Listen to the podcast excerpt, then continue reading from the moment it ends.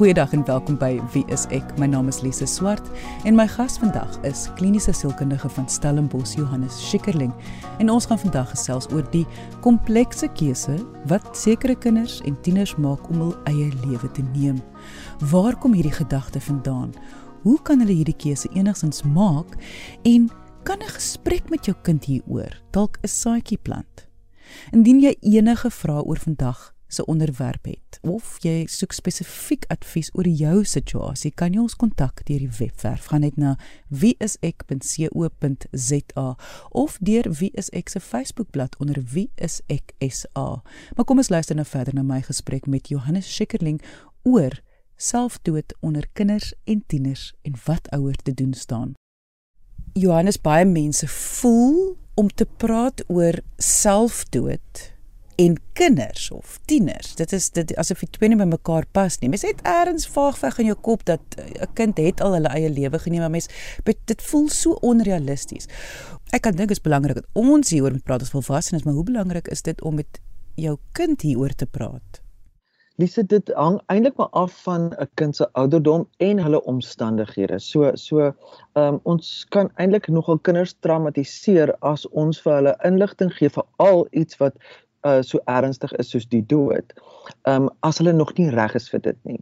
Um en vir al die maniere wat ons dit sê, baie keer gebruik mense terme wat wat wat kinders onseker maak soos um o iemand het gaan slaap of iemand het um uh of hulle verstaan nie die woorde soos oorlede nie.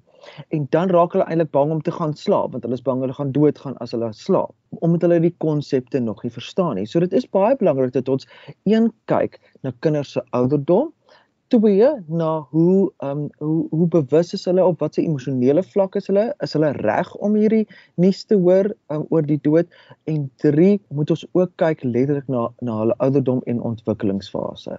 Goed, maar Johannes daar was al kinders van 9 jaar oud in ons land wat hulle eie lewe geneem het. Nou nou is my kind in daai kind se klas. Hoe hoe verduidelik ek aan my kind van 9 kan ek dink is nog baie jonk. Hoe verduidelik ek aan my kind wat het jou klasmaatjie nou gedoen? Ja, ja. Ek dink die, die belangrikste hier is dat ons so eerlik as moontlik is en uh, ons so eerlik as moontlik rakende net die dood. Ons hoef nie altyd te sê hoe dit gebeur nie en veral afhangende van 'n kind se ouderdom, ehm um, gaan hulle dit nie noodwendig verstaan nie. So so dit is belangrik dat ons net die konsep van die dood is al klaar reeds 'n groot konsep wat wat ons dan ehm um, vir kinders kan verduidelik. En dit is dan belangrik om so eerlik as moontlik te wees, want vir al jong kinders kan eintlik aanvoel as mens uh, iets sê wat wat vals is, wat nie uh, wat jy self nie kan en hulle weet nie hoe, hulle weet nie wat dit is nie, maar hulle voel net o, hierdie ding klop nie lekker nie. So dit is so belangrik dat ons dat ons dan so eerlik as moontlik kan wees rakende die dood. En as die kind dan vra, maar hoe het dit gebeur en wanneer het dit gebeur en hoekom het dit gebeur dat ons ook so eerlik as moontlik is um binne in die kind se raamwerk van wat hulle verstaan. En dat ons nie daar vanaf weg uh, uh, uh, duins nie. Kan jy dalk net vir ons dit opbreek as jy nou sê dit spesifieke ouderdomsgroepe en en ouderdomsgepas. Wat is min of meer want ek weet kinders verskil natuurlik, maar wat sal dit min of meer wees? Waar moet jy, waar moet jy nie? Wanneer mag jy hieroor begin gesels, begin kyk na die dood, daai tipe goed? So die konsep van dood, ehm um, ehm um, verstaan kinders eintlik eers hier vanaf 'n uh, uh, skoolouderdom begin hulle dit eintlik eers verstaan. So kinders wat jonger as is as dit.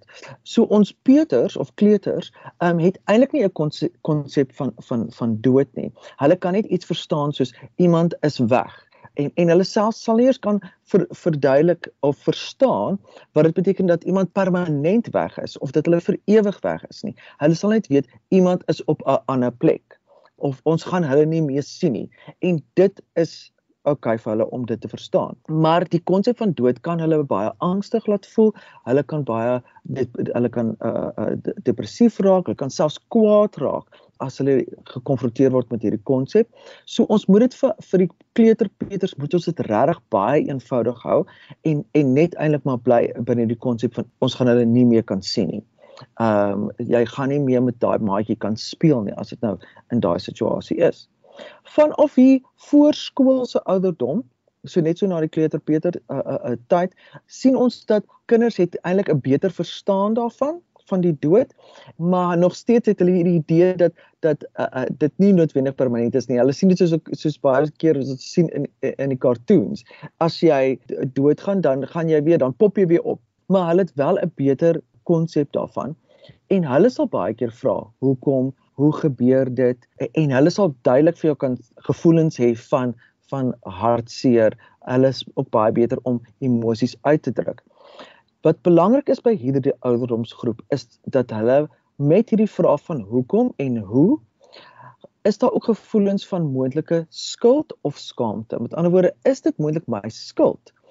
Is dit my skuld dat hierdie maatjie wie se skuld is dit? Hoe dit is dit is daar gedagtes wat ek gehad het is dit iets wat ek gedoen het. En so dit is baie belangrik dat ons in hierdie ouderdoms groep vir hulle by kan staan om te sê dit is nie jou skuld nie jy het niks daarmee te doen nie. En ook om vir hulle gemaak te laat voel dat niks wat iemand sommer net dink of doen maak 'n ander persoon dood nie. So so dit is belangrik dat hulle voel dat dit nie hulle skuld is nie.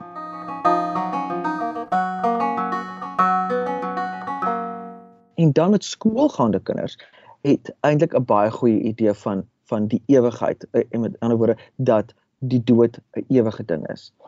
En en vir al skoolgaande kinders verstaan hierdie konsep baie keer beter. Selfs dan word hulle dan gekonfronteer met hulle eie dood. En dit mag baie keer 'n uh, 'n uh, uh, angs bring. Dit mag baie keer uh, uh, veral skeidingsangs bring, bang dat 'n uh, familie of vriende kan doodgaan ensovoorts maar met hulle kan ons eintlik al begin regtig e eerlik wees en die proses van dood al met hulle deel en wat gebeur as iemand doodgaan. Dit is eintlik die heel belangrikste by hulle ouderdomsgroep is dat hulle daai onsekerheid wat hulle het en die uh, vraag of hulle gaan alleen wees of nie. En daar kan ons eintlik vir hulle sê jy sal nie alleen wees as jy doodgaan nie uh, iemand sal mooi na jou kyk, daar sal altyd mense by jou wees en ek dink dit is dit is die verskillende maniere hoe ons met die verskillende ouderdomme omgaan. Nog 'n wanpersepsie wat floreer onder mense is dat kinders kan nie depressie ervaar nie kinders wat met eh, depressie gediagnoseer word. Dit is sommer net 'n dokter wat wil geld maak of iemand probeer geld maak eers. Kan ons 'n bietjie gesels net oor die eh, depressie onder kinders en die realiteit daarvan? Absoluut. Dis 'n baie goeie vraag wat jy nou vra want mense het hierdie konsep dat dit eintlik onmoontlik vir kinders om om depressief te wees. En en dit is glad nie waar nie jy kry definitief kinders wat baie depressief is en dit is gewoonlik omstandighede gebaseer. So dit is gewoonlik wanneer ons sien daar's daar's 'n baie negatiewe omstandighede, 'n baie moeilike omstandighede dat daar 'n uh, 'n uh, 'n uh, verslawing moontlik is, uh, uh, nie noodwendig van die kind nie, maar uh, in hulle omgewing, ouers, uh, die, die mense wat hulle moet versorg dat daar mishandeling is, het sy dit emosioneel of fisies. En dan hierdie kinders ehm um, uh het binne in hulle self het hulle depressie. Hoe ons dit sien is nie noodwendig soos depressie van volwassenes of ouer mense of tieners nie dat hulle baie mismoedig is en hulle slaap die hele tyd en hulle wil niks doen nie. Ons sien juist die teenoorgestelde by kinders waar hulle ontsettend aktief raak of baie kwaad raak of geweldige emosionele skommelinge het. Um en dit is wat ons waarmerk en dit is hoekom mense dan dink maar dit is onmoontlik dat jy vir my sê hierdie kind um het depressie want die simptome lyk nie dieselfde as wat mense gewoond is aan depressie by volwassenes of tieners nie. Die simptome is eintlik ooraktiwiteit, impulsiwiteit, fluktuering van emosies, aggressiwiteit, sodat hulle is baie meer aktief as wat mense sou verwag. Maar as jy eintlik die navorsing gaan doen en eintlik 'n ordentlike assessering doen, dan sien jy hierdie simptome kom eintlik van 'n depressiewe gemoed binne in die kind dat hulle moedeloos voel. Hulle voel dat hulle is eintlik magteloos. Voel nie in beheer van hulle lewe nie. Uh voel dat hulle lewe het geen doel nie. So op die interne vlak is dit dan depressie. Ek dink ons moet ook net nou byvoeg. Ons praat nou vandag oor selfdood onder kinders en tieners en nou praat ons oor depressie. Net soos met volwassenes wil ons net byvoeg dat volwassenes of kinders wat gediagnoseer is met depressie gaan nie noodwendig hulle eie lewe neem nie, maar kinders wat wel hulle lewens al geneem het, is daar gewoonlik 'n geskiedenis eers van een of ander depressie, né? Nou. Absoluut. Die probleem wat ons baie keer het met kinders en selfdood is dat omdat kinders so impulsief is, hy sien ons nie so lang lydingstyd nie. Met ander woorde, ons weet dat vol, volwassenes het, het gewoonlik 'n lang depressie of 'n lang lydingstyd, 'n tyd wanneer hulle swaar kry voordat hulle eintlik oorgaan in in in in in aksie om self uh, dood te pleeg. Maar met kinders sien ons is baie korter want hulle toleransie is baie korter. Hulle konsep van van van van um swaar kry en lyding en selfs hulle konsep van oplossings is baie minder. En en so kinders kom baie vinnig, veral kinders wat swaar kry, kom baie vinnig tot die konklusie maar my lewe is nie die moeite werd nie.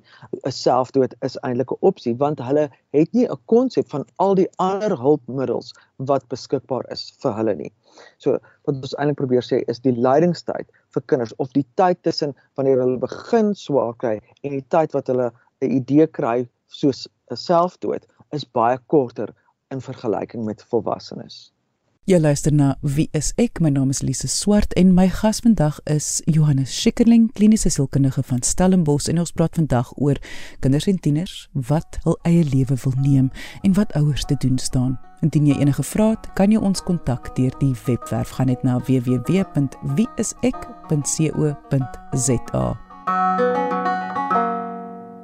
Johannes, ek wil weer terugkom oor die punt van daar was iemand wat hulle lewe geneem het en jou kind is nou op skoolvlak of skoolgaande en uh, kan hierdie goed verstaan en hulle het vreeslik baie vrae hieroor. Nou baie ouers voel as ek nou met my kind gaan praat oor selfdood, dan gaan ek mos nou 'n saadjie in hulle kop plant. En dit is ons sien dit met baie uh, verskillende onderwerpe voel ouers so kan ons praat oor daai konsep? Is dit waar kan mense saadjie in 'n kind se kom plant? Is is kinders in die verlede wat hulle lewens geneem het, is dit as gevolg van gesprekke wat ouers gehad het? Daar's geen navorsing wat vir ons wys dat enige gesprek oor selfdood het eintlik al 'n selfdood uh getrigger nie. Uh, die navorsing wys wel dat 'n selfdood poging tot selfdood of selfs 'n suksesvolle poging tot selfdood trigger ander selfdood. Maar dit is nooit 'n gesprek nie. Met ander woorde, as jy die saadjie plant of die gesprek het, is die kans baie min. Maar as daar 'n ander kind is wat wel suksesvol hulle hulle eie lewe neem, dan sien ons trigger dit by ander kinders wat al lankal dieselfde ding dink, dieselfde gedrag. So ons moet dit onderskei. Daar is dus geen navorsing wat bewys dat 'n gesprek daaroor eintlik dit trigger nie. En en daarmee saam is dit eintlik het ons wel navorsing wat wel bewys dat die gesprek daaroor dit eintlik teenwerk. Want dan is dit 'n gesprek oor hoe kry ons hulpmiddels. Daai ding dat jy ja, eintlik vir 'n kind kan sê, maar as jy so voel, dan is jy nie verlore nie. Inteendeel, het jy geweet daar is mense so sielkundiges. Het jy geweet daar is hulpmiddels? Het jy geweet jy kan by al hierdie verskillende plekke om hulp vra? En ek dink dis vir ons die belangrikste tema wat wat wat hier uit moet kom is dat as daar iets gebeur, iets skokkends gebeur soos 'n selfdood, is dit so belangrik dat ons met kinders praat oor die opsies wat hulle het indien hulle hartseer voel, indien hulle ongelukkig is, indien hulle voel hulle loop teen 'n muur vas, indien hulle uh, uh voel hulle is magteloos. Is dit so belangrik dat ons hulle hulpmiddels gee of ten minste aanbied sodat ons nie op 'n plek kom waar 'n kind stil bly, niemand is bewus van die swaarkry waarmee hulle omgaan nie en dan sien ons net die eindresultaat daarvan.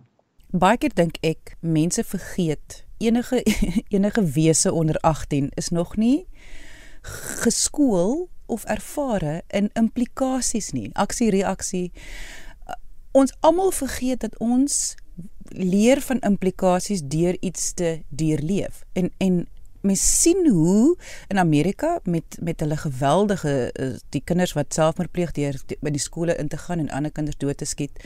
Um daai daai fenomeen het baie te doen daarmee dat ek dink nie kinders is heeltemal bewus van wat dit beteken wat hulle doen nie, want hulle is nie heeltemal seker oor die implikasie behalwe die aandag wat hulle dalk kan kry daaruit, die les wat hulle dalk vir iemand kan leer, die die die kwaad wat hulle kan uitleef, maar hulle is nie altyd bewus van die reaksie nie. En ek dink wat baie belangrik is wat jy nou sê is as mense gesprek het, kan jy deur jou eie ervaring jou kind leer van implikasies van 'n keuse. Absoluut. Jy jy slaan die spyker perfek op die kop. En, en dit is eintlik hoekom ons die gesprek moet hê, is dat jy vir kinders 'n 'n idee skep van aksie en reaksie. En selfs keuses. Hier is die ding wat jy wil doen of hier is iets wat jy wil bereik en hier is al die moontlike reaksies wat dit kan trigger of wat dit kan hê. OK, en as jy slim daarmee kan omgaan, kan jy eintlik verseker dat dit 'n goeie reaksie het of dat dit 'n positiewe reaksie het. Maar as kinders onbewus is van enige reaksie, dan gaan hulle bloot en hulle gaan toets. Hulle gaan eksperimenteer want dit is hulle werk. Dis wat alle kinders doen. En hulle het hulle het gelukkig en ongelukkig het hulle daai impulsiwiteit, hulle daai guts, hulle het nie daai bewustheid wat ons as volwasse persone het van o, oh, daar's gevaar of o, daar's moontlike uh, hier's hier is die moontlike uitkomste nie. Hulle het dit nie, hulle verstaan dit nie. So dan gaan hulle impulsief en hulle doen dit. En ons sien dit baie keer selfs op sosiale media waar kinders dan uh, sommer klets met enige iemand. Jy weet hulle vra nie, hulle vra nie, hulle vra nie oud is hulle nie. Hierdie persoon is net vriendelik. En voordat ons nie vir hulle leer, maar hier is 'n paar vrae wat jy iemand moet vra om te verseker dat dit veilig is nie.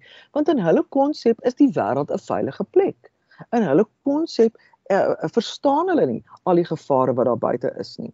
En dit is ons werk nie om vir hulle te vertel van die gevare nie, maar om wel vir hulle bewus te maak van aksie en reaksie en die manier hoe mens daar daarmee kan omgaan. Want ons wil nou nie ons kinders vol angs pop uh, pomp nie, maar ons wil vir hulle wel die vaardighede gee om suksesvol met goeders om te kan gaan. Kom ons gesels net 'n bietjie oor die tekens waarvoor ouers wel moet uitkyk wanneer dit kom by depressie, wanneer dit kom by dalk selfdood of of want ek dink ook baie keer ons dis fyner fyner tekentjies wat ons baie keer mis of sommer net so half ignoreer. Ja, ja. So on, on, ons kyk gewoonlik na vier areas waarna ouers moet kyk. Die eerste een is emosioneel, dan kyk ons sosiaal, ons kyk dan funksioneel en ons kyk ook fisies. So, as ek by die laaste een begin, fisies, is daar iets anders te fisies aan die kind. Met ander woorde, uh, eet hulle nie soveel nie of eet hulle skielik meer? Is daar fisiese veranderinge uh in in hulle patroon. Hulle oefen nie meer nie of hulle oefen skielik baie meer of of slaap hulle. Hoe gaan dit met hulle slaappatroon? Alles wat fisies is kan, kan ons nou kyk en as ons sien daar's 'n verandering, dan het ons 'n verantwoordelikheid om te vra daaroor. Nie om aan te val nie, maar om te vra daaroor. Sissie, ek sien jy eet nie meer so baie nie of uh, sukkel jy om te slaap of wat ook al. Vra ons daai vraag. Wat gaan aan op 'n fisiese vlak? Dan moet ons kyk na funksionering. Is daar 'n verandering in die kind se funksionering? Hulle kan nie meer skool toe gaan nie, weier om skool toe te gaan. Ehm um, uh, weier om om om om goeders te doen wat hulle altyd maklik kon doen, funksioneer nie meer so goed nie. Het sy dit dan op 'n fisiese vlak, het sy dit op 'n emosionele vlak onttrek skielik, uh, het altyd iets baie geniet en geniet nou niks meer nie. So dis op 'n funksionele vlak. As ons dan kyk na 'n sosiale vlak, dan kyk ons na die interaksie van die kind. Het altyd baie maatjies gehad en nou wil hulle glad nie meer maatjies hê nie. Of het al kon lekker saam met jou in die kar gesels of jy het lekker liedjies saam gesing en nou onttrek die kind, wil nie meer liedjies sing nie, wil nou niks meer doen nie. On, ons sien dit baie keer dat sosiale onttrekking moet ons daarna kyk en weer eens dan vra ons vra daaroor en ek weet baie ouers sukkel. Hulle wil sommer aanval, um, maar onthou vra eers die vraag, moenie net aannames maak nie. En dan die laaste een is dan emosioneel. As jy sien daar is emosionele veranderinge, met ander woorde hulle word skielik vinnig kwaad of hulle daar's geen emosionele reaksie nie. Hulle is eintlik um, baie plat. Of as jy sien dit is eintlik iets wat hulle vreeslik geniet het en nou is hulle net soos ma dis dan nie meer lekker nie niks is meer lekker nie. So dit is emosionele veranderinge. So as ons kyk na hierdie vier goeters, dan wil ons eintlik minstens 1 uit elke afdeling wil ons hê en dan kan ons regtig bekommerd raak. Voor ons nie een in elke in elke afdeling het nie, kan ons nie noodwendig bekommerd raak nie, maar ons moet vra vra sodra daar veranderinge is. En hoekom wil ons nie onmiddellik bekommerd raak nie? Want kinders ontwikkel mos nou, nê? En en en, en veral as ons dink aan jou tieners wat deur baie ontwikkeling gaan en gemoedskommelinge, dan sien ons daar op 'n emosionele vlak uh, is daar baie veranderinge, maar op 'n sosiale, funksionele en 'n fisiese vlak is dit eintlik heel fyn. Dan gaan ons nie noodwendig bekommerd raak nie, maar ons gaan wel vra vra.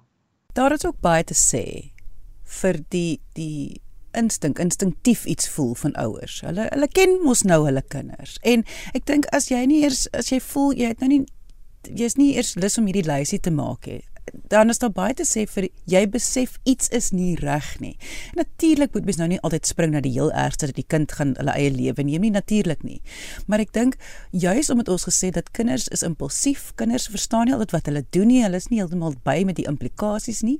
Voel dit vir my in elk geval as 'n kind nie gelukkig is nie, dan vat hulle na iemand as hulle nie met jou self wil praat nie en vind miskien dit uit. Kyk maar net. Dit hoef nie 'n eeue lange honderde sessies ding te wees nie. Kyk maar net wat gaan aan. Ja, verstaan net dit en gee net vir die kind 'n spasie of 'n plek waar hulle hulle self kan verstaan. Want dit is baie keer veral met kinders dan dan is hulle gefrustreerd met hulle self want hulle weet self nie hoe om dit wat hulle ervaar uit te, te druk nie en en en en dan het ons 'n plek nodig en hulle is baie keer bang om dit uit te druk by hulle ouers want hulle weet dit wat hulle ervaar het 'n effek op ouers. Kinders is nie dom nie. Hulle weet dat as ek nou vir mamma sê ek is hartseer, dan gaan dit 'n effek op mamma hê. So dit is vir my makliker om dit vir 'n vreemde persoon te sê. Um want daai vreemde persoon gaan nie so geaffekteer word daardeur nie. So dit is belangrik dat kinders die bewustheid het van 'n baie jong ouderdom af dat daar is hulp. Jy hoef nie alleen te sukkel nie en ek as ouer is nie jou enigste hulpmiddel nie. Jy kan jy's welkom om met iemand enigiemand anders te praat. Jy's welkom vir my te vra om met enigiemand anders te praat of ander hulp te kry. En dan net ter afsluiting Johannes, Hierdie onderwerp is so belangrik want die syfers is besig om toe te neem, nie net in ons land nie, wêreldwyd. Tieners en kinders om vir watter redes ook al, ons weet daar's hoë angs, ons weet daar is baie depressie, ons weet die wêreld is baie moeilik. Maar hulle is nuuskierig en hulle is weer eens impulsief en ek dink alle ouers moet wel hulle self begin skool in soveel as moontlik inligting rondom hierdie onderwerp. Um dis nie, dis nou wonderlik ons programme ons het natuurlik nie genoeg tyd nie. Hierdie is 'n baie meer komplekse onderwerp ook. En ek voel vir my hoe meer ouers hulle self kan skool in hierdie onderwerp. Hoe belangrik dit is baie belangrik voel dit vir my in in die wêreld waarin ons nou leef. Absoluut. En en en ek verstaan 100%. Uh, kinders kom ons nou nie uit met 'n handleiding nie, né? Dit is altyd die grootste frustrasie van hulle. Hulle kom nie uit met 'n handleiding nie. So, dit is so belangrik dat jy jouself ook in 'n posisie sit waar jy nie hoef te weet nie. Dis oukei okay dat jy nie weet nie. Dis oukei okay dat jy Google gaan vra. Dis oukei okay dat jy raad gaan vra. Dis eintlik oukei okay dat jy self vir terapie gaan om na 'n terapeut toe wat met kinders werk om vir hulle te sê, "Maar hoe verstaan ek my kind?" Um help my, gee vir my die vaardighede. Ons leef in 'n geweldige, hoë veranderende samelewing die tempo van verandering waarmee ons vandag leef is die hoogste wat dit nog ooit in die geskiedenis van mense jeugenis is. So, help jouself om jou kind te kan help. Is altyd my advies vir, vir ouers, want onthou jy is op die ouende die persoon wat hulle die meeste dra op wie hulle vertrou, op wie se voorbeeld hulle leun. En as dit die voorbeeld is dat jy kan hulp vra, is dit soveel makliker vir jou kind om ook hulp te vra. En dit was kliniese sielkundige van Stellenbosch Johannes Schikkerling. Jy moet 'n heerlike naweek hê en onthou, kyk mooi na jouself en jou kind.